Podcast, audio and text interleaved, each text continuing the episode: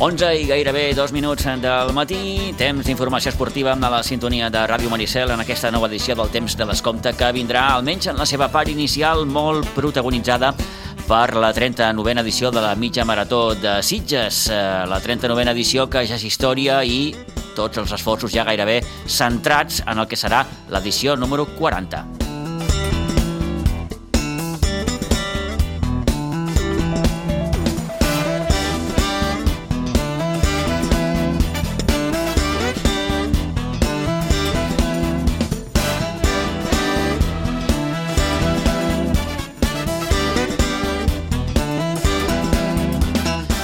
Banda del que és la mitja marató, també farem crònica de la resta d'informació esportiva. La Unió Esportiva Sitges, que es va endur la victòria gràcies a la seva golejada 4-1 amb el Pista Alegre. També va sumar un bon punt al Sitges B en la seva visita el camp de l'Orivella, empat a 1 per als homes d'Àlex Villa.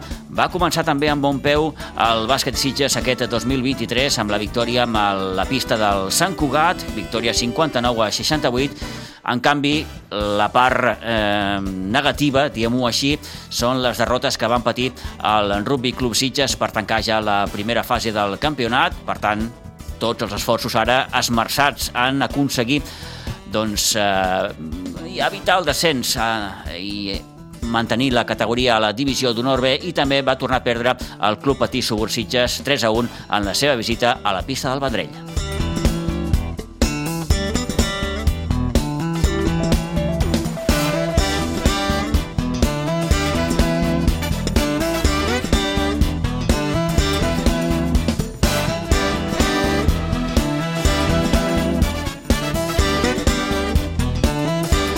Doncs, com dèiem, la 39a edició de la mitja marató de Sitges ja és història. Oriol Vilaplana i Jessica Tipan van ser els guanyadors en un diumenge, tot s'ha de dir, esplèndid. Bon temps, bon ambient en una edició que venia marcada per aquests eh, petits canvis en el recorregut. Escoltem el guanyador de la mitja d'enguany, el corredor de l'equip Miostaf, Oriol Vilaplana, segon cop que corria Sitges, però primera vegada que disputava la mitja. Bé, ha estat una cursa divertida. Faltava allò dos o tres atletes de nivell més top. He guanyat amb una marca lleugerament discreta, sent un punt humil, i, però bueno, aprofitant que hi havia potser alguna absència per, per tirar jo i lluitar per aquesta cursa, que em, em fa il·lusió, perquè Sitges és una de les, de les grans de Catalunya. Havies vingut algun cop? Havia fet, el, crec que era el 2019, el quart de la mitja. I vaig fer segon, aquella ocasió vaig fer segon. Per tant, avui guanyes aquesta 39a edició de la mitja marató. Et pregunto pel recorregut, perquè aquest any hi ha, hagut, hi ha hagut algunes petites uh, variacions. Què t'ha semblat? Bé, uh, segueix sent una mica de, de puja i baixa, curves, si ja té aquest hàndicap, però ja ho sabem, al final és difícil, amb una població lleugerament petita, fer una mitja marató. Tot i això, uh, uh, uh, suma molt el tema del centre, hi ha molt d'ambient, anima molt la gent, el passeig.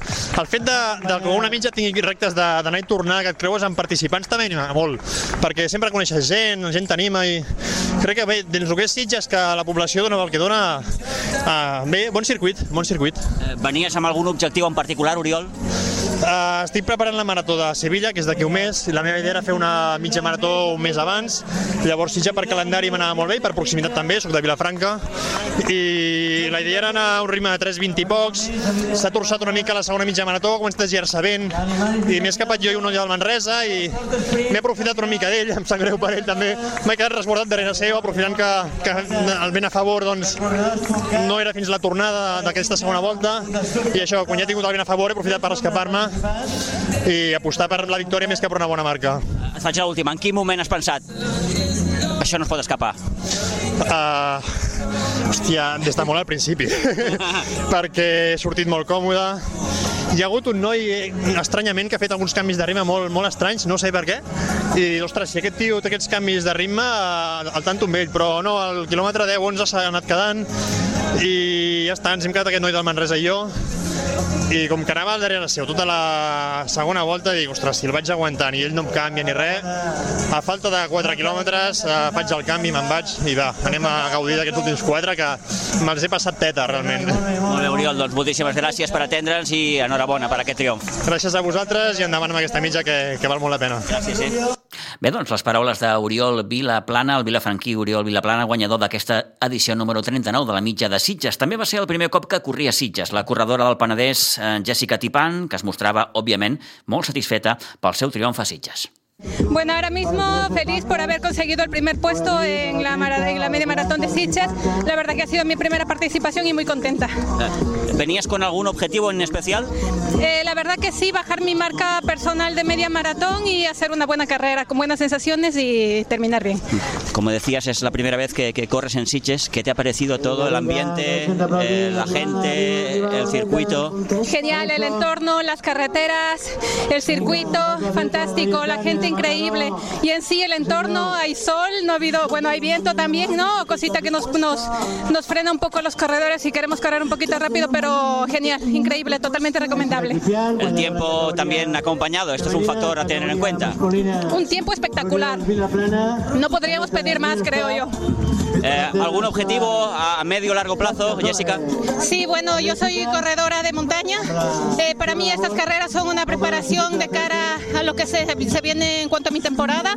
Eh, ahora mismo el primer objetivo importante, el campeonato máster de Murcia en maratón y ya comenzamos la temporada de trail. ¿Qué te ha parecido el, el nivel de, de, de, de competitividad? Bueno, la verdad que he salido sola desde el primer momento, no he sido consciente realmente de quién iba detrás o no, pero, pero yo creo que como todos los años, ¿no? Siempre estas son carreras en las que reúne a gente súper importante, ¿no? Gente que quiere venir a hacer grandes marcas, que quiere empezar el año bien, entonces claro, es un buen objetivo como comienzo de año. Jessica, enhorabuena, gracias. Muchísimas gracias a ti, gracias.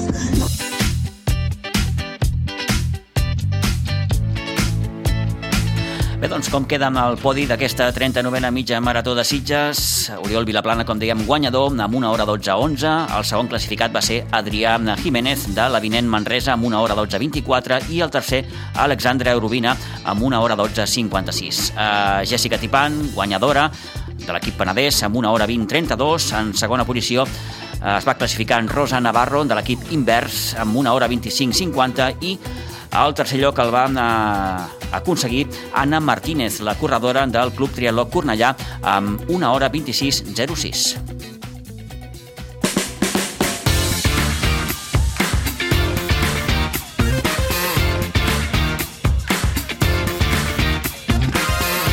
Onze i 9 minuts del matí. Més un dels corredors que més mitges s'ha fet. De les 39 edicions n'ha fet com ens deia ell, 35 o 36, no ho sap ben bé. Només va faltar quan li tocava torn de guàrdia a la farmàcia. Òbviament, estem parlant d'en Juan Diego Espejo, un clàssic de la mitja marató de Sitges que ahir, en companyia de la seva dona, la Manoli Anguita, van disputar en el quart de marató i en acabar, tots dos, feliços i contents d'haver pogut participar en la cursa del seu poble. Estupendament bé. Sí, gràcies a Déu hem pogut acabar. Home, costa una mica perquè tenim una edat, però perfectament bé. I gràcies a la meva dona que està hecha una crac. Vinga, Manoli, explica'm, quines sensacions tens ara mateix? Ara mateix sóc superfeliç, he fet la cursa al meu poble, m'he trobat superbé, la cursa molt ràpida, molt còmoda, molt bé, molt bon ambient. Felicitats a tothom. Eh, el temps acompanya. Sí. Què t'ha semblat? L'ambient, ara ho deies, no? Tot perfecte, el recorregut. El recorregut, el passeig preciós, la llum, el mar i l'ambient del poble és maquíssim. Felicitats a tots, als organitzadors i a tothom que ha participat. Enhorabona. Has aguantat bé? Jo sí, molt bé. És que... Millor Anima... que la de Sant Sebastià que fa al novembre la vam fer. Ha fet més millor temps. Sí, sí, hem fet millor temps. Però és que aquí al poble ens ajuda molt. Estem molt Té contents. un plus, no? Vull dir, això Sí, a vegades sí, sí. et fa treure forces d'on un no la té, no? Sí, exactament. Sí, el recorregut molt còmode, molt ràpid i molt, molt bé, ja et dic. Enhorabona, és que estic molt contenta. Juan, tot un veterano ja. No, no m'he perdut cap només quan tenia guàrdia en diumenge. Les he fet totes. Aviat està dit això, eh? Home, sí, tre, no sé si són 35 o 36, la d'aquest any. I gràcies, 39. 39, pues, 39. bueno, haver fet 36 o 35. Sí, sí. I a- aquest any hem fet la de 10 només perquè l'edat comença a portar la motxilla. Però l'any que ve farem la de 21. Ho intentarem, ho intentarem. Ho farem. No hi ha cap cursa igual. Com l'has trobat aquest any? Aquest any l'he trobat molt bé, molt còmode, molt fàcil i Sí. potser teníem més il·lusió que altres vegades que estava més en forma, però però hem acabat amb millor temps que altres vegades, perquè ha sigut tot tothom, tothom t'animava i fa un dia esplèndid. I, pues, perdona, i Sitges no és com els demés jocs, eh? Ho sento. Ara us ho volia dir, és especial córrer Sitges. Sitges és, eh, Sitges és el millor país del món. Sitges. I el recorregut que ha sigut diferent, he trobat que és més maco també, Sí? perquè ens han portat per la zona nova i aquella és molt, ha sigut xulo també, és molt maco, sí. Us pregunto, per acabar, quin és el secret per mantenir-se en bona forma? Fer-ho com a mínim 5 dies a la setmana. Una disciplina i constància. I fer-ho, sí. I fer-ho. Si no, Mitja No. horeta com a mínim, eh, d'entrenar com a mínim, per mantenir-se bé. mínim, però fem una mica més, No, eh? però per mantenir-se... mitja horeta. Sí. Per, i, I un cop a la setmana o dos fer una mica més. I pots fer els 10. Ara, si vols fer 21, has de fer més. Com a mínim, quasi una hora diària. Juan, Manoli, Moltes moltíssimes gràcies, gràcies. i enhorabona. I gràcies, al a poble de. Sitges. Gràcies, gràcies.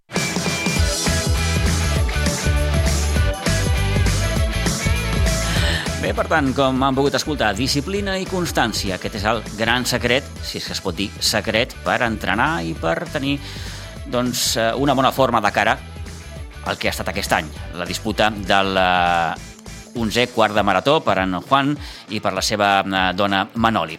Repassem el podi de l'11è quart de marató. El guanyador va ser Víctor Centeno del Running Vigia amb 35 minuts 32 segons. En segon lloc eh, va quedar Pau Nacenta del CrossFit eh, amb 35-52 i el tercer José Gordillo del Natació Calella amb 36-05. Eh, En l'apartat femení el primer lloc va ser per la campiona Gisela Carrion del Club Brooks amb 38-47, segon lloc per Petra Enreixac del BC Team amb 44-57 i tercer per Serena Massó del Trans Triatló amb 46-06, la Serena que va ser primera local.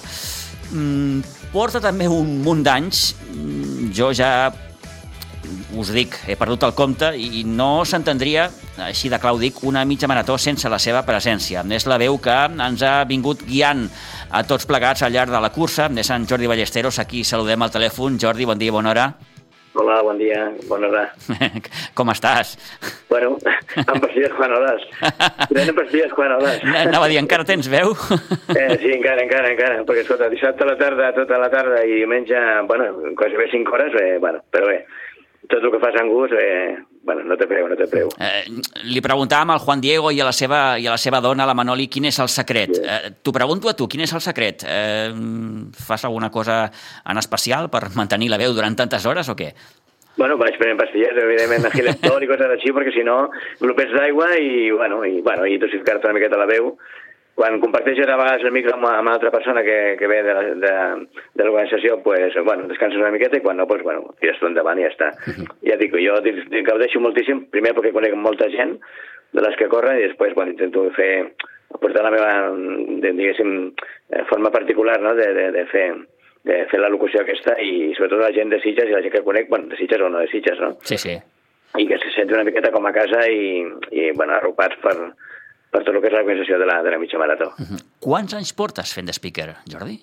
Després igual porto 20, eh? perquè bueno, vam començar primer amb el Xavi, vull dir, bueno, que comentàvem alguna vegada, no? muntar nosaltres el que era la, la infraestructura de lo que era la mitja marató a les 6 del matí o a les 5, Mare de Déu, sí, i sí. després, bueno, posar-nos a cura i a córrer, no? Vull dir, tota, tota la gent antiga, del- bueno, com, el- com el Triviño, el, el, el Siscovila, jo mateix, no?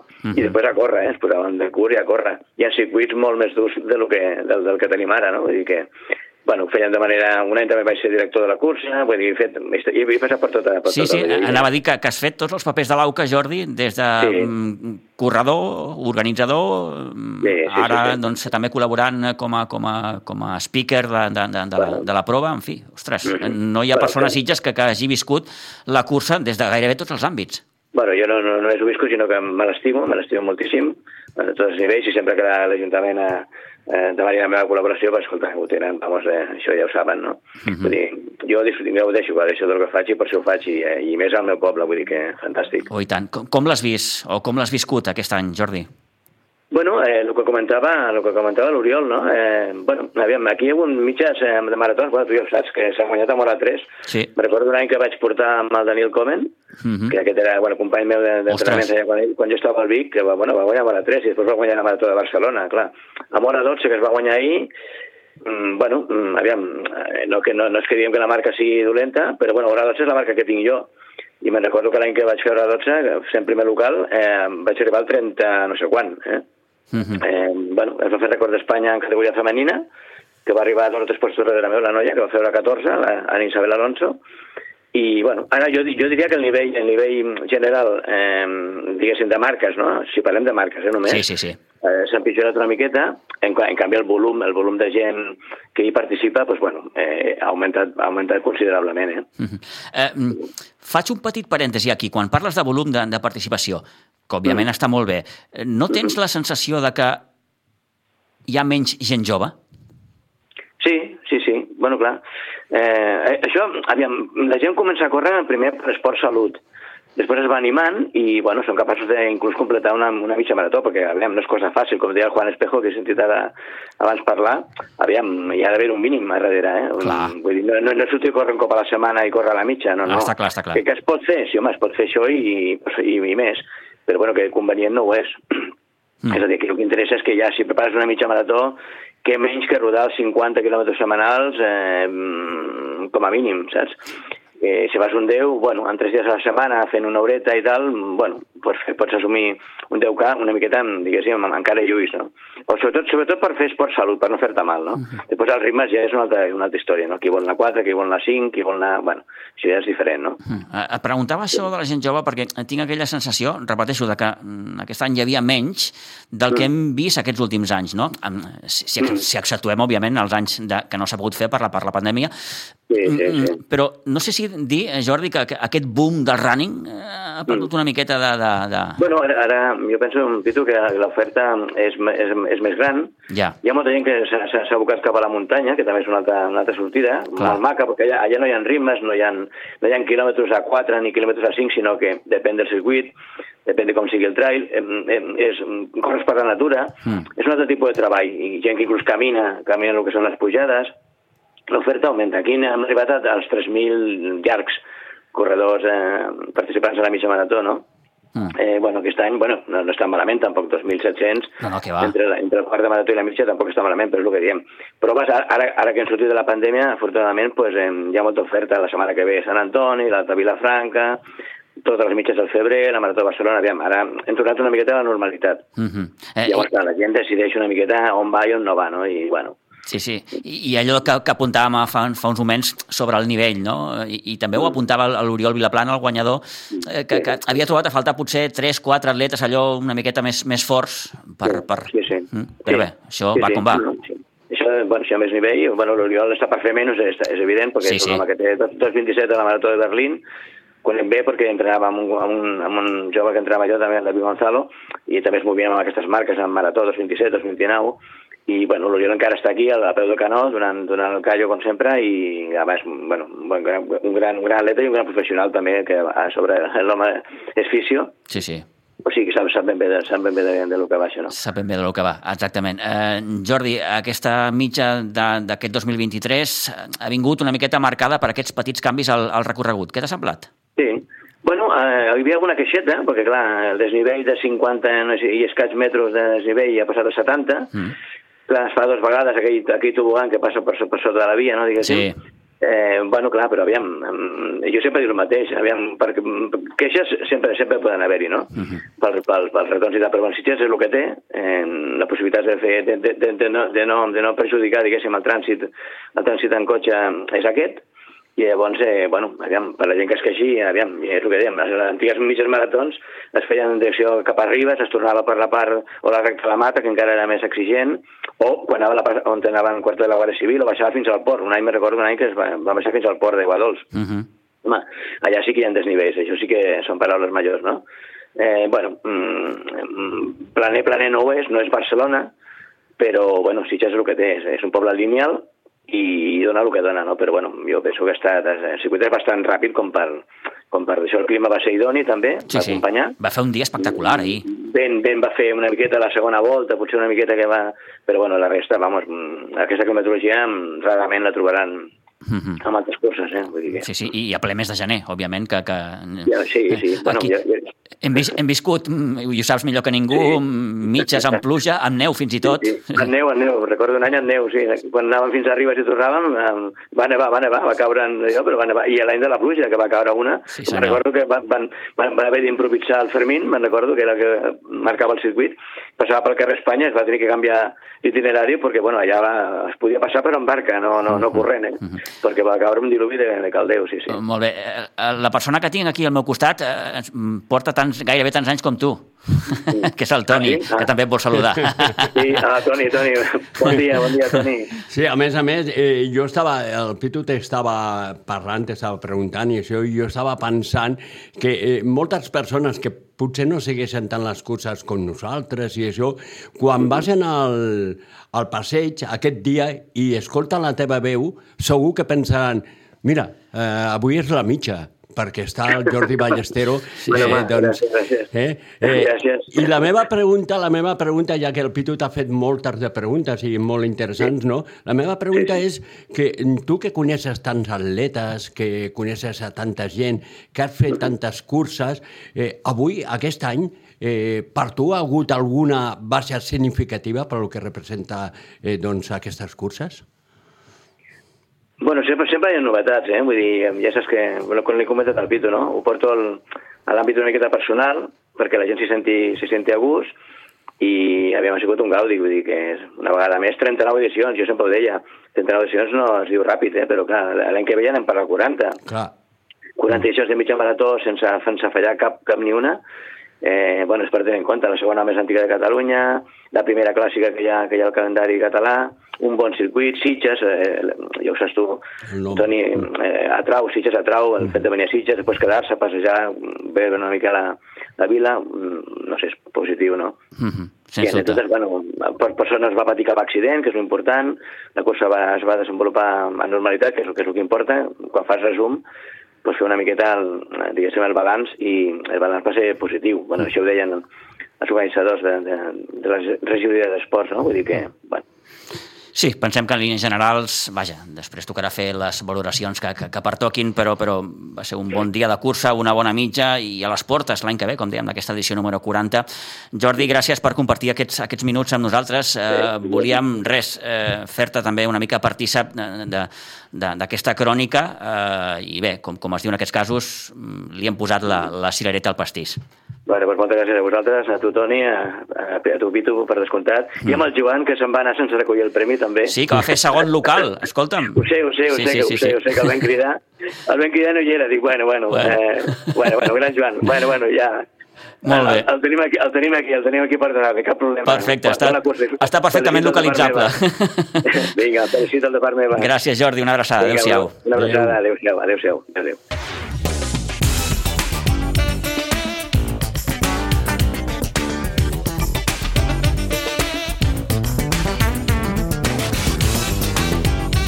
Bé, doncs, com dèiem, ens costaria entendre una mitja marató sense la presència d'en Jordi Ballesteros i una miqueta també eh, volíem compartir aquests minuts de crònica amb, amb ell, amb la persona que, eh, repeteixo, hi posa veu durant gairebé 5 hores, però ja hi va posar veu el dissabte amb la cursa infantil i les curses adaptades, en fi, que se'n fa un tip. Eh, passem pàgina, eh, deixem la mitja marató, anem al futbol base perquè a la preferent de juvenils eh, hem de parlar d'aquest empat del juvenil A de la Blanca en partit de la 14a jornada, empat a davant un Sant Boià que va capgirar el gol inicial que marcava Iker Rosselló al minut 23, els visitants al minut 66 es van posar per davant amb l'1 a 2 i ja a les acaballes un segon gol també d'Iker Rosselló servia per igualar i acabar amb aquest empat a dos que deixa la Blanca en l'11è lloc de la classificació amb 16 punts, els de Raül Aroca que tancaran la primera volta jugant al camp del Cué, de l'Ull de Cona. La resta de resultats els repassem com cada setmana en companyia de l'Isidre Gómez. Isidre, bon dia i bona hora. Hola, molt bon dia. Eh, bon empat, el del juvenil. Aviam, Quina és la seva reflexió? aviam, si vas guanyant per 1 a 0, tens un penal i el tires com a la selecció espanyola, Mal vamos. mal vamos, vale? Mm, després pues, va complicar la cosa i tot i que això que vam tenir sort perquè aquells jugaven amb 10 des del minut 20. O sigui que era, era un bon equip, fort, però els vam perdonar l'ocasió que vam tenir i amb això a vegades en aquestes categories es paga molt car. Pel teu to, dedueixo que... Mm, Mm, jo no me'n vaig anar gaire satisfet. Jo... Mira, vaig recordar, després ho comentava per allà a la grada, dic, mm, no sé si passar-los els vídeos de com xutava aquell al Neskens. Fort i al mig.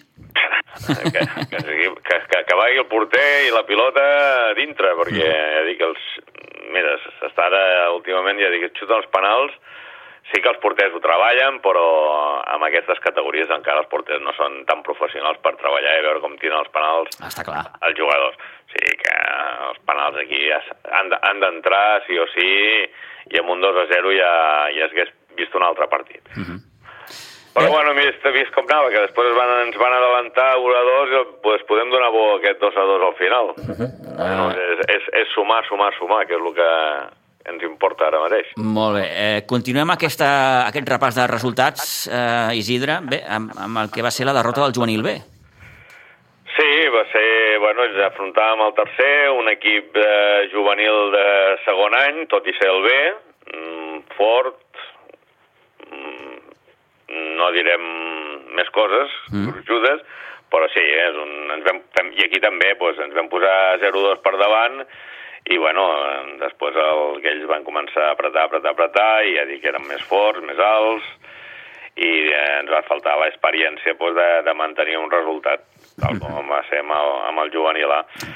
Uh, sap greu perquè aquests nanos portaven una bona trajectòria, però bueno, sempre, sempre hi ha un dia que, que t'ha d'arribar aquests partits dolents i bueno, ara seguir mantenint la, la, el treball i, i, i estar allà dalt. És tot just la segona derrota que pateix la, la- el juvenil B, aquest 3 a 2 al camp del Ribes, per tant, la derrota l'ha fet perdre eh, la segona plaça, però en definitiva doncs, queda tota la segona volta per poder eh, doncs, continuar amb aquesta bona trajectòria. Eh, la resta de resultats, Isidre. Doncs mira, tenim el cadet A, que també va jugar a Ribes contra el, contra el Ribes A i va guanyar 0-4. El cadet B va, va guanyar Pinsbens 3-0 al Mas Catarro. En categoria infantil, a l'infantil de preferent ens va tornar a perdre Pinsbens 1-4 contra el Sant Ildefons. Aquí ens costarà molta suor mantenir la categoria. A l'infantil B va empatar 2 a 0 al camp del Mascatarro A i finalment a l'infantil C va, empatar, va guanyar 1 a 4 al camp del Sant Sadurní B. En categoria Levin, la Levin A va guanyar 0-6 al camp del Mar Bartra 2020, a la Levin B va guanyar 10 a 0 a Pinsbens al, contra el Sant Filwenc B, a l'Alevice va perdre a Pinsbens 2 a 4 contra el Ribes B, i el D ens va guanyar eh, 2 a 4 al camp de la Fundació Atlètic Vilafranca G, i finalment l'E ens va guanyar 8 a 0 a Pinsbens contra el Castellví de la marca A. En categoria Benjamins, el Benjamí A es va imposar 4 a 0 a Pinsbens al Vilanova i la Geltrú B, el B va guanyar 2 a 4 al camp de l'Atlètic Viladecans A, el C va guanyar a Pinsbens 14 a 0 a la Fundació Atlètic Vilafranca D i finalment el D va, guany... va perdre 7 a 3 al camp del Ribes, o en aquest cas el, el Benjamí C.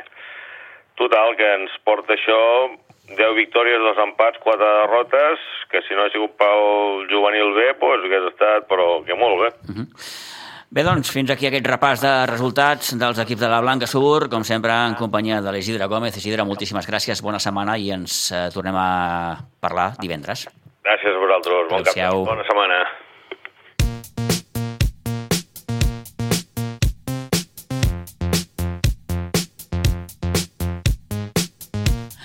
Bé, deixem la Blanca. El passat divendres al Municipal d'Aiguadols es van presentar amb els equips de la Unió Esportiva Sitges. No va ser, però, la clàssica presentació, una presentació que va anar a càrrec de l'empresa Sport Music, música, llum i els protagonistes, tots i cadascun dels equips de la Unió Esportiva Sitges que van sortir a la gespa d'Aiguadols per poder saludar les famílies, les nombroses famílies que es van aplegar a la grada. Foto final i el ja tradicional càntic Un dia de partit, que va protagonitzar i dirigir, com no, el jugador Hugo Gutiérrez. Més enllà del que fou la presentació, els hem de dir també que la Unió Esportiva Sitges va presentar uh, un braçalet, un braçalet que durant aquesta temporada, un braçalet amb els colors de l'Arc de Sant Martí i l'escut del club, mostrant així el seu suport a la lluita contra la LGTBI-fòbia i la violència de gènere. En acabar, varen poder conversar uns minuts amb el president, amb Jordi Martínez, satisfet, òbviament, de com s'havia desenvolupat aquesta presentació.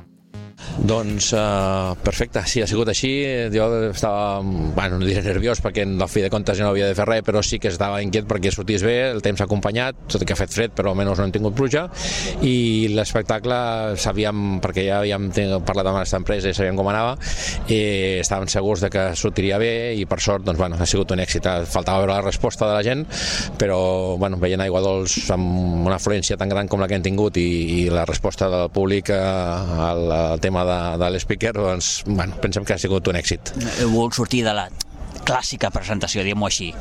Sí, la idea era, era això, i evidentment és, és un cost, però val la pena perquè dius, bueno, fas coses diferents, eh, la, la gent també ho agraeix, eh, evidentment tothom, quan, segurament que haguessin vingut les mateixes persones a Iguados a veure la presentació, perquè és el teu fill, el teu net el que ve, pues, ho fas, però evidentment no és el mateix estar mort de fred i esperant que s'acabi a gaudir i a, i a participar de la festa, que la idea era aquesta, era que participessin també des de la grada, que això normalment pues, quan ho fem nosaltres amb els nostres mitjans doncs no tenim ni l'experiència ni, ni, el, ni, el savoir-faire d'aquesta gent, no?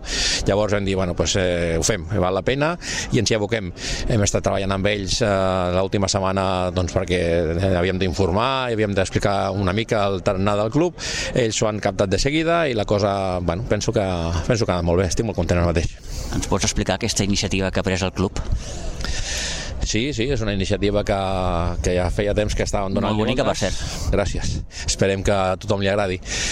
Bueno, és, és veritat que estem en una xacra que, que hem d'erradicar, de, això no, no, té, no té nom i, i llavors el tema de les agressions homofòbiques i la violència de gènere mm, és que cada cas que surt, que malauradament avui dia estem en, en ple eh, apogeo de, de, del tema, eh, això ho hem d'erradicar, hem de parar com sigui.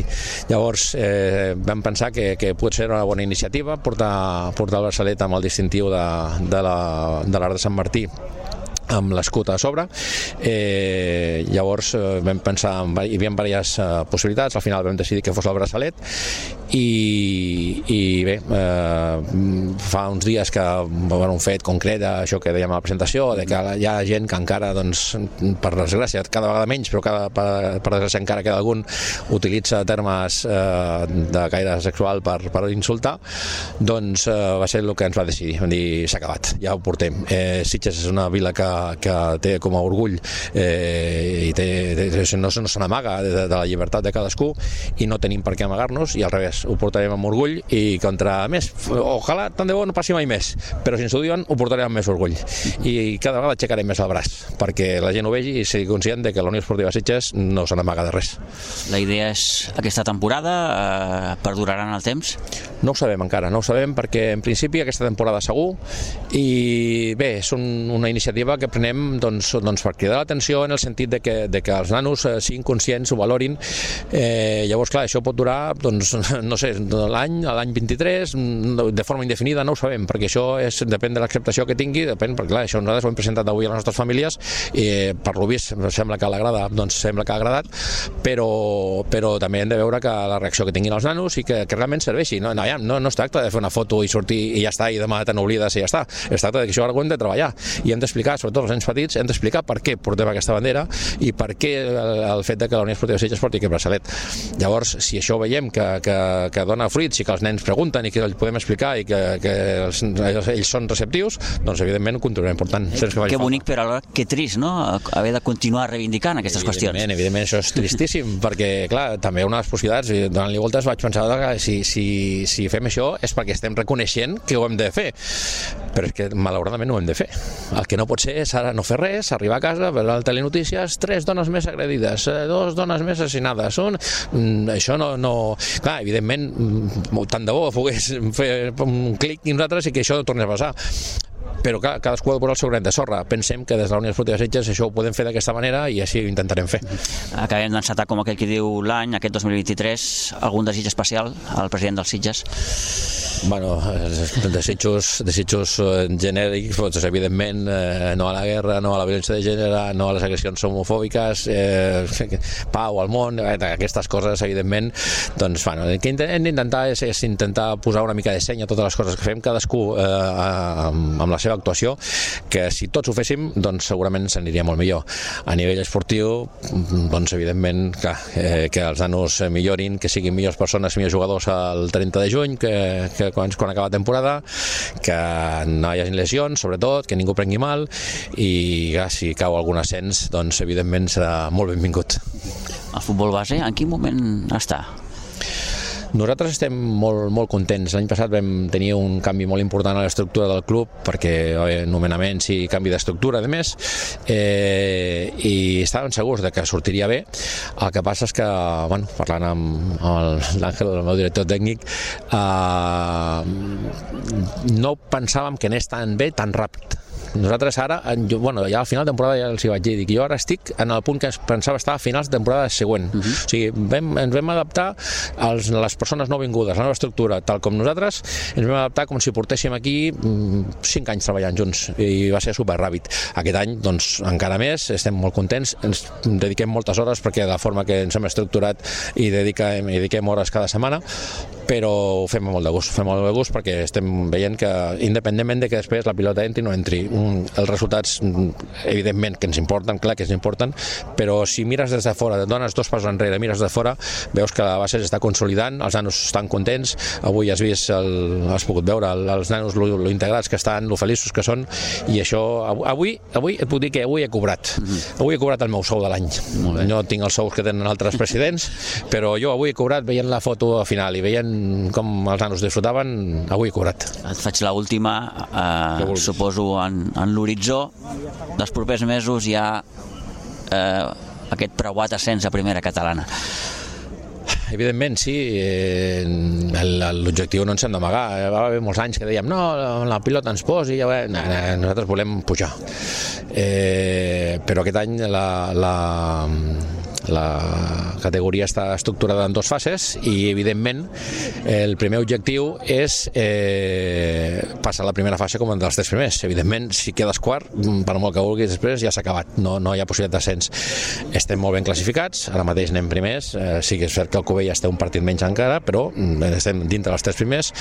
Per punts anem ben situats. Mm, L'única cosa que hem d'intentar és que això no, no afluixi, que ja hem tingut altres experiències, seguir treballant, eh, el Toni i el Sergio eh, estem, estem plenament convençuts perquè xerrem cada dia de que ho tenen molt clar, que, que si no quedem dels tres primers és perquè hi ha tres equips que ho han fet i han posat molt més que nosaltres, però que per nosaltres no quedarà. Nosaltres no deixarem de ficar el peu, no deixarem de, cuitar, de lluitar, de córrer i intentarem per tots els possibles que sigui dels tres primers.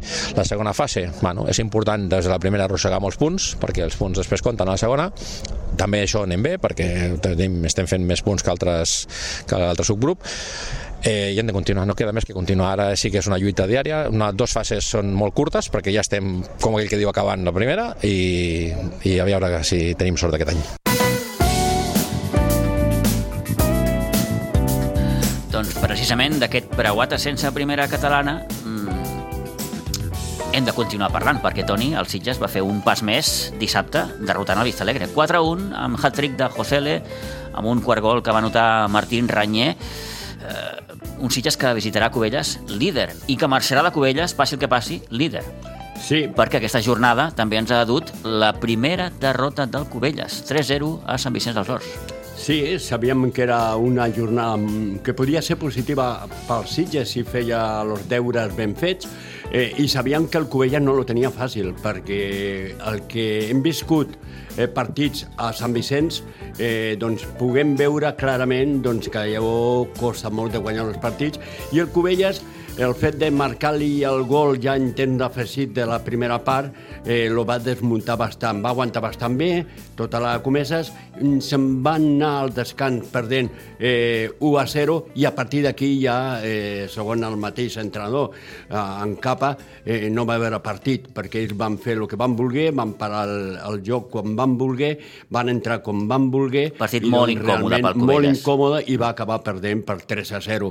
És la primera derrota del Cubelles, eh? vull dir, eh, i per lo que deia Jordi Martínez, home, aquests tres equips ho tenen ja més que segur que segur que jugaran la, se la següent fase. Ara, la incògnita és quin serà primer, quin serà segon i quin serà tercer. Si el Sitges, home, és capaç de guanyar dissabte a Cubelles, li trauria 7 punts al Cubelles. Sí que el Sitges ha de descansar encara, però 7 punts a aquestes alçades, vaja, seria molt difícil que el Cubelles li, li capgirés aquesta situació. No, i que el Sitges porta el mateix guió eh, que la primera volta, no? Eh, vull dir, eh, tenia un partit ara complicat perquè, tot i que el Vistalegre és un equip que va a baix, però és un equip que juga bastant al futbol i que no és un equip fàcil de guanyar. I la prova la vam veure aquí al municipal, sobretot a la segona part, no? Eh, I sabíem, si el Sitges eh, doncs fa el que té que fer a casa, potser a fora el més difícil que li queda és Moja i Cabrils, a fora perquè els demés equips, eh, Sant Vicent del Sol ja sap el que és guanyar els Sitges allà.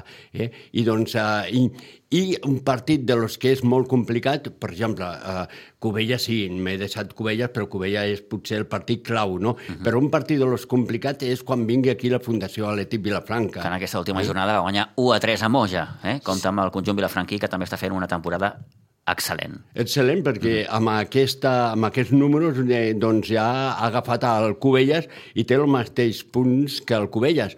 Eh, a veure, eh, el que un té que destacar és que els que van per sota ja tenen una diferència, aquests tres, eh, abismal, i clar, és molt difícil que l'agafin. Ara, com t'he dit abans, aquí està quin queda de primer, segon i tercer. El CITE té molts números, eh, doncs si fa els números ben fet, eh, per a quedar, quedar primer, però per això no pot fallar. Dissabte a la tarda, victòria, com dèiem, 4-1 davant el Vista Alegre, un partit que als 5 minuts el Sitges ja dominava per 2-0, gràcies a dos gols, un d'ells de penal de Josele, eh, el 2-1 que anotava Naufal, el conjunt del Vista Alegre, al minut 68, i al 77, Josele, després d'una gran cavalcada de Martí Ranyer per la banda esquerra, va anotar el seu hat-trick al minut 91 ja.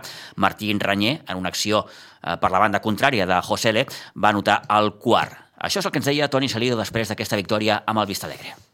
Sí, la verdad que, que sabíamos de las dificultades de, de, Vista Alegre por el tipo de juego que tenían, que aquí iba a ser un, un, partido muy disputado a balón aéreo, que sabíamos que no la iban a meter a tres cuartos y prácticamente eh, no es nuestro juego, ¿no? Nos han venido a apretar muy arriba. Eh, teníamos dificultad a la hora de salir de la pelota y ellos, eh, claro, colgando pelotas a tres cuartos prácticamente en el área, pues siempre tienen la dificultad, pero defensivamente hemos estado muy bien, hemos arrancado eh, de fábula llegando y bueno, eh, hemos puesto 2-0 nada más empezar el partido, que creo que eso daba un poco más de tranquilidad, pero sabiendo de que, de que en la primera parte teníamos que haber matado el partido, de, hemos tenido cuatro o cinco ocasiones muy claras para, para matarlo, para irnos con 3-4-0 que ya se hubiese acabado partido y no hemos ido con el 2-0. El 2-0 es un resultado complicado porque sabíamos que, que como nos metieran uno eh, lo íbamos a pasar mal por el tipo de juego que, que, están trayendo ellos y así ha sido, ¿no? Nos metido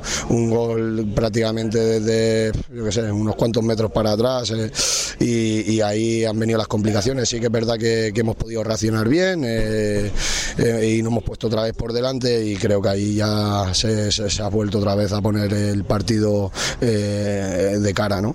Pero bueno, eh, hay que aprender de esto, de que, de que ahora llega un, una fase de liga que, que, no se puede perdonar tanto, que, que, los equipos te apretan, tanto los de arriba como los de, los de abajo, y tenemos que estar muy alerta. Eh, hubiésemos tirado una primera parte que hemos hecho muy buena si no hubiese escapado el partido. Entonces, bueno, tendremos, tenemos que aprender de esto, de, de, de saber de que tenemos que ser más matadores, tener ese punto de, de- que no le den la vuelta a lo- los contrarios, ¿no? Y, nada, pero bueno, igualmente es un partido más, eh, tres puntos más, eh, que ahora solamente quedan seis.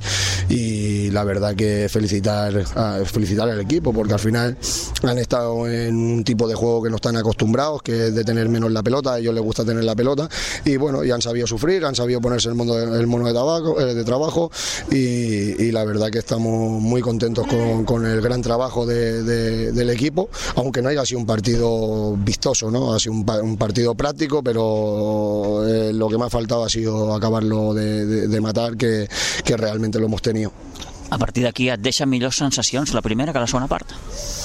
Bueno, la primera parte me deja muy buenas sensaciones porque al final era lo que habíamos trabajado, sabíamos cómo jugaban y, claro, al final tienes cuatro o cinco ocasiones muy claras que, podíamos haber sentenciado la- la- el partido en la primera parte. En la segunda parte, pues bueno, hemos seguido eh, siendo prácticos, pero ellos con el gol, claro, o al final el equipo se viene arriba, eh, psicológicamente también dan un paso hacia adelante y, y al final preocupa, ¿no? Porque un partido que lo tienes bien, lo tienes controlado, aunque te metan balones a tres cuartos que siempre crea peligro, pues al final eh, siempre te pones nervioso, ¿no? Pero bueno, eh, la reacción del equipo ha sido buena, eh, hemos podido encajar dos goles más y, satisfecho por ello. Et sorprèn veure el Vistalegre tan avall? Bueno, eh, es que Vista Alegre ha tenido un arranque complicado y al final cuando tienes un arranque complicado eh, las temporadas te pueden cambiar, ¿no? Eh, creo que tienen buenos jugadores, creo que tienen buen equipo, creo que mm, están más abajo de, lo que de lo que el equipo tiene que tirar, creo yo a mi manera de a mi manera de ver, pero bueno, eh, al final yo yo pienso en lo mío, que, que- que es lo que nos interesa a nosotros, que ir sumando de tres en tres y a ver hasta dónde llegamos. Avui José le ha sortit de titular i ha complert. I de quina manera? Tres gols. Sí, sí, sabíamos lo que es de José Le. José Le, igual como a Doblas le costó al principio y ahora iba como un tiro, pues José Le es lo mismo. José Le, José Le es un, veterano de- del fútbol catalán que ha metido goles para, para aburrir. Entonces sabíamos que tarde o temprano eh, la, la iba a enchufar. Hoy sí que es verdad que también sale en su posición, porque las veces que ha salido también ha jugado un poco fuera de su sitio, ¿no? Y hoy ha estado en su posición y ha demostrado de que, de que es un tío que tiene gol, de que, de que hace faena y que creo que va a ser muy importante para lo que nos queda de, de año. Avui no estaven dos jugadors que acostumen a ser importants a l'equip, Edgar i Geri. Sí, bueno, Jerry cumplía ciclo de sanción y dobla que le dedicamos la, la- la victoria, está en el hospital que va, va a ser padre, que le deseamos que vaya todo muy bien y la victoria de hoy es para, para él, para su mujer y, y para la futura preciosa niña que vayan a tener. Molt bé. Poc temps per gaudir d'aquesta victòria perquè fixa't quin partit dissabte que ve. Bueno, eh, al final al final no valía de nada eh, la semana que viene sin pasar por hoy. Eh, hoy es muy importante, hoy hay que celebrarlo, hoy hay que estar satisfecho, hay que descansar mañana, desconectar, eh, pasarlo bien con la familia y a partir del martes volveremos a, a preparar el partido como venimos haciendo cada semana. Ahora nos toca Cubellas, es un partido chulísimo por, por la clasificación, por los dos equipos que, que tienen, som- somos dos equipazos, la verdad, y Em así. preguntava l'altre dia, Toni, si, si creus que el partit de Cubelles, eh, arribant com, com s'arriba en aquests moments, pot ser decisiu pel primer lloc. No, igual como dije la semana pasada, vuelvo a repetir lo mismo. O sea, al final no creo que, que, que sea trascendental, ¿no? O sea, eh, eh, lo importante es de llegar con los máximos de puntos a playoff, porque al final en playoff vuelves a tener seis puntos más en juego contra rivales directos y, y al final te metes allí con los seis mejores equipos que siempre te vas a dejar puntos o- y va a ser una, una guerra. Entonces creo que no, que no va a ser, no va a perjudicar el resultado ni a favor ni en contra, simplemente de que bueno, eh, siempre que, que ganas pues sales con un paso hacia adelante, ¿no? Y, hacia el grupo también, oye, es un puñetazo encima de la mesa, todo eso lo sabemos, pero no creo que, que- que influya, a no ser que pierda y que el equipo dé un bajón, que entonces sí que puede influir, claro, eh, al final, pero no, no, no lo veo, eh, veo de que, de que podemos competir, podemos preparar un buen partido, creo que en un campo grande nosotros lo estamos haciendo bien durante todo el año. Preocupes especialment alguna cosa del Cubelles? Bueno, Cubellas preocupa muchas cosas. Tiene, tiene a Paul Jimeno, que es un chaval que acaba de salir ahora de juvenil, que, que es una pasada. Tiene a Oscar García, tiene a Isei. Ahora han fichado a otro delantero de, de, de, de- de- de cali- de calidad, un delantero top, ¿no? que ha metido muchos goles. Eh, tiene un buen equipo, tiene a Iloya, tiene Imá. Al final los conocemos a todos. eh, es un equipazo, eh, no, no hay otra, ¿no? Pero bueno, al final yo me quedo con mi equipo y mi equipo es muy buen equipo, hay muy buenos jugadores, hay muy buena unión. y iremos con toda la ilusión que, que podamos para, para afrontar el partido. Vale, Toni, gràcies i enhorabona per aquesta nova victòria. Muchas gracias, Pitu. Bé, doncs, pensant ja en Cubelles, dissabte que ve, ja en parlarem divendres, però hem de repassar també la jornada al grup 12 de tercera catalana, perquè, Toni, el Sitges B i l'Olivella van empatar 1 a 1 dissabte, la Crivellera és un punt que deixa les coses igual. Bo, sí, sí, a més, és un punt bo eh, per Sitges, no tan bo per l'Olivella, però també doncs, eh, el seu entrenador donava eh, com a bo perquè doncs, el Sitges va fer una molt bona primera part, que va mereixer alguna cosa més, i en canvi l'Olivella va fer la segona, que també va mereixer alguna cosa més. L'empat és bo per tots dos, tot continua igual, bon empat. Pau Junyent feia el 0 a 1 al minut 33, empatava l'Olivella al minut 80 amb un gol de Guillem Micó. Al final, empat a 1, com dèiem, i aquesta era la valoració que feia Àlex Villa d'aquest punt sumat a Olivella. visita a un camp molt, molt, molt complicat, eh, no només per les dimensions, sinó perquè al final enfront tens un, un bon rival, eh, ben treballat i, i que no deixa de ser un, un derbi, que això li afegeix un, un component emocional molt, molt fort. Però bueno, bé, jo crec que vam afrontar molt bé el, el partit, crec que la primera part vam dominar bastant, tot i que ells van tindre una ocasió molt, molt clara. Eh, jo crec que la, la gran part de la primera part es va jugar al seu camp, eh, vam tindre més aproximacions i, i vam estar molt, molt fins. I jo diria que ens vam trobar molt còmodes eh, i vam poder fer molt bé el nostre joc. I a la segona part eh, ells van, van realitzar un joc més directe, més directe eh, més contundent, però en el bon sentit de la paraula no, va ser un derbi supernet, supermaco. Eh, durant els 90 minuts va haver competitivitat, però sense més res, sense res més. I, i sí que és veritat que el fet que els empatin als últims moments, a falta de 10 minuts, pues, fa que et vagis amb, amb un sabor agradols perquè veiem la victòria molt, molt a prop i, i sincerament pensàvem que, que en qualsevol ocasió podíem tancar el partit. I de fet, a, la, els últims minuts de partit, els últims dos minuts, són una ocasió claríssima que, que té en últim moment Víctor Olmedo i, i el partit acaba, acaba en dos corners nostres que, que, bueno, que dona la sensació aquesta que, que és amb la que em quedo, que nosaltres sempre vam voler més, vam voler anar a la victòria. Ho fàcil en un camp com aquest és eh, amarrar l'empat, eh, un puntet per cadascú i que, i que no ens retallin distàncies, però l'equip volia, volia, volia, volia i, i estàvem decidits i convençuts d'anar per la victòria.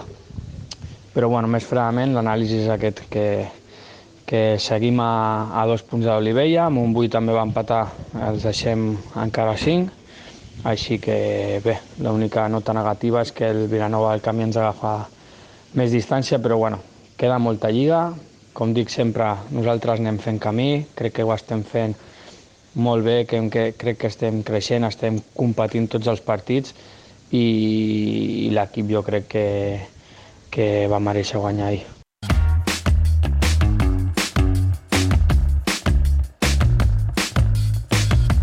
Bé, doncs, com apuntava Àlex Villa, és un bon punt, però queda aquesta sensació una miqueta de, ostres, que s'ha acabat el partit, volem guanyar, no conformat amb l'empat. Sí, sí, sí, estic totalment d'acord, el que passa que... Que és una miqueta la gana que, que, que mostra aquest equip. És la gana que té aquest equip, eh, però davant jugava amb un equip també eh, molt ben eh, format. Eh, realment ha fet una molt bona feina l'Idris, perquè va agafar un equip que estava desfet pràcticament Sí, i, ha, i, i ha fet un equip molt compacte. Eh, la nota negativa, com apuntava el tècnic del Sitges B, doncs que el Vilanova del Camí va guanyar el seu partit 2 a 1 al Torrellenc eh, i li agafa de nou aquests 8 punts. Sí. No sé fins a quin punt això, vaja, pot ser definitiu o no, però en qualsevol cas el Vilanova del Camí continua fent camí, valgui la redundància. Sí, le queda tota una segona part, té que venir a Sitges, eh, le queda una, una segona part, dic jo, una segona volta, Sí. eh, mm, però bé, eh, és un equip que està allà, però mm, jo del Sitges seguiria lluitant pel segon lloc al màxim, perquè després ja veurem què passarà, eh? eh quedant segon. Però de moment... Recordem que no hi haurà promoció, No, no, això però no, que però, però, existeix aquella petita possibilitat, petita, mitjana o gran, no sé, mm. de, de, de que el segon mm, doncs, s'acabi pujant per, per, o per allò dels compensats o perquè algú renuncia, en fi. Sí, sí, allò que sí. acostuma a passar cada final de temporada. Sí, sí, perquè tenen que equilibrar moltes categories. Evidentment, i hi ha la creació d'aquesta nova Superliga, tot això eh, suposarà una reestructuració de les categories eh, la temporada que ve.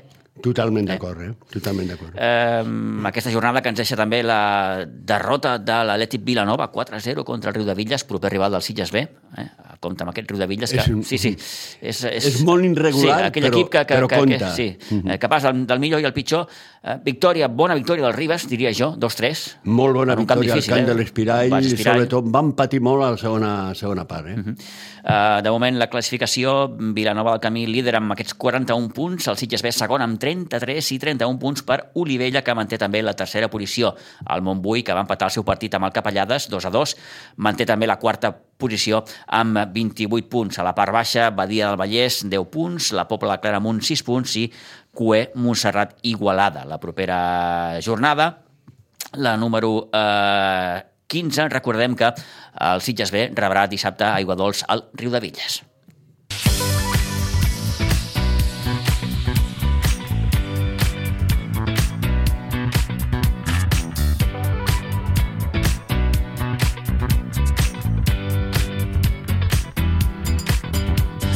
Bé, encarem ja la recta final d'aquest temps de descompte, parlant també de rugby, perquè hem d'assenyalar la derrota del Rugby Club Sitges per tancar la primera fase d'aquesta temporada de la divisió d'honor B, amb els sitgetans que van caure el passat dissabte amb el nou Santa Bàrbara 8 a 22 davant el Rugby Club L'Hospitalet, un dels equips ben classificats i els millors d'aquesta divisió d'honor B.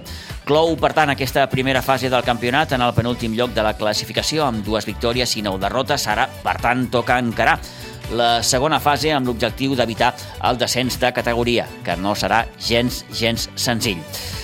En bàsquet, el bàsquet de Sitges que han encetat l'any en victòria, la que va aconseguir dissabte passat 59 a 68 a la pista del Sant Cugat. A la mitja part anava perdent de 2, 30 a 28. Un tercer parcial favorable de 10 a 21 que va ser clau per acabar guanyant aquesta victòria eh, 59 a 68 a Sant Cugat, eh, màxim anotador del maig, Ivan Ramírez, 18 punts, però destaquem també els 16 que van anotar eh, Oriol Camproví i Àngel Miguel Sanz. I la bona notícia, més enllà de la victòria, la reaparició de Mauro Pérez després de força setmanes absent per lesió. Mauro, que va jugar 18 minuts anotant eh, 3 punts. Eh, dissabte que ve, per cert, a Pinsbens rep el Castellet a partir de 3 quarts de 6 de la tarda de la jornada de bàsquet també destaquem la victòria del sènior B 72 a 58 amb el Joventut Castelldefels i la victòria també del sènior femení 50 a 47 davant el Sant Cugat. En hoquei patins, el Club Patí Subursitges que ha començat amb mal peu aquest 2023 va perdre el passat divendres 3 a 1 a la pista del Vendrell. El proper partit rebrà l'emposta aquí al pavelló de Pinsbens. És una lluita contra rellotge gairebé d'aquest Club Patí Subursitges en la que s'haurà d'intentar evitar de totes totes un nou descens de categoria, que seria fatal, no cal dir-ho. Eh, en hoquei herba, Destaquem també que l'equip de mamis i papis s'han classificat per disputar la Supercopa Múnich, que es disputarà el proper 12 de febrer. Per cert, l'equip de les mamis, que segueix la seva bona trajectòria, va guanyar 0-3 al camp de línia 22 de Terrassa i ara mateix ocupa el segon lloc de la classificació. Però la bona notícia, com dèiem, és la classificació per disputar amb aquesta Supercopa Múnich el 12 de febrer. L'equip de mamis i papis del uh, Sitges Hockey Club. Amb okay herba posem punt i final ja en aquesta nova edició del Temps de Descompte. Toni, moltíssimes gràcies. Molt bé. Bona setmana i a vostès també. Bona setmana. El temps d'informació esportiva el retrobarem divendres en el temps de la prèvia i, com no, també amb la nostra tertúlia habitual. Que vagi molt bé. Adéu-siau.